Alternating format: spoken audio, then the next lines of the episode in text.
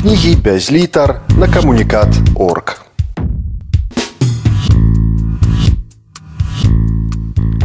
Виктор Шалкевич, Верабьи.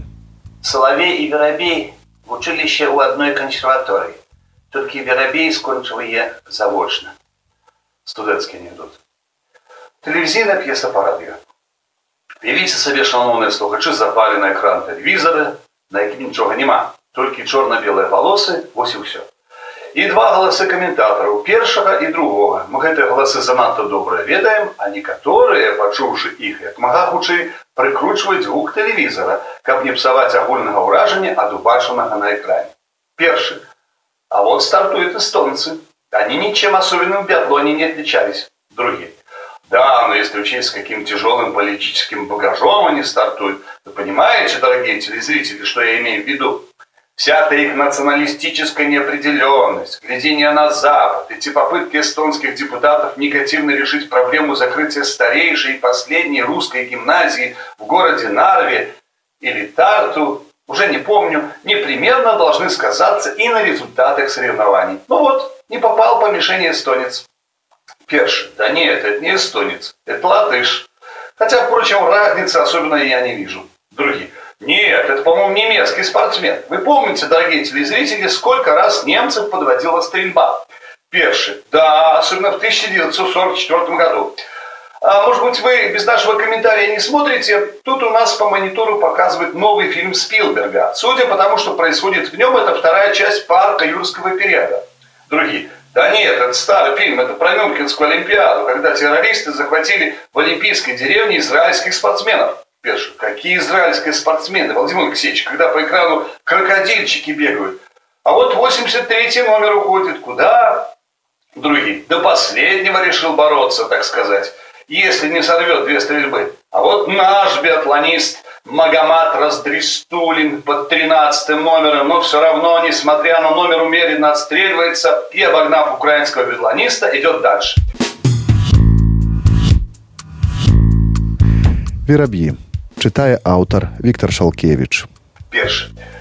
Да, я представляю, с каким политическим багажом и настроем на спортивную борьбу вышли на эту гонку украинские биатлонисты. Каждый год у них там в Киеве что-то происходит. Эти схватки голубых с оранжевыми и оранжевых с голубыми. А страдает прежде всего спорт, престиж государства. Вот, опять не попал украинец по мишени.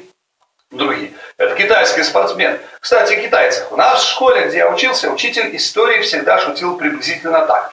Дети, знаете ли вы, сколько у мира китайцев? Так вот, если с утра китайцев поставить шеренгу, и начать расстреливать из автомата, то к вечеру всех не достреляешь.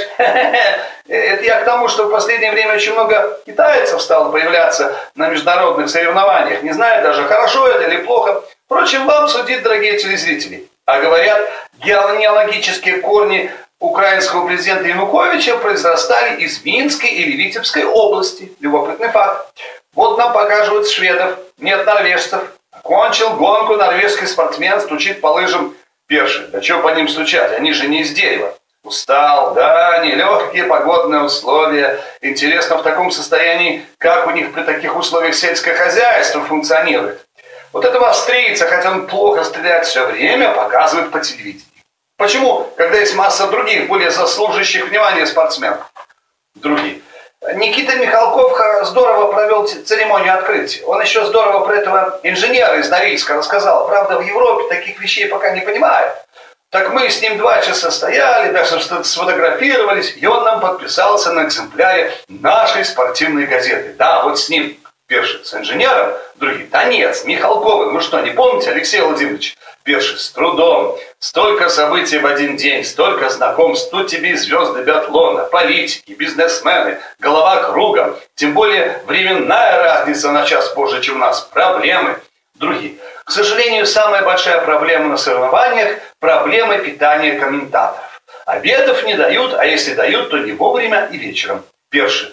Вы так хоть сало привезли? Другие. Да, как говорят у нас, і сало, і до сала.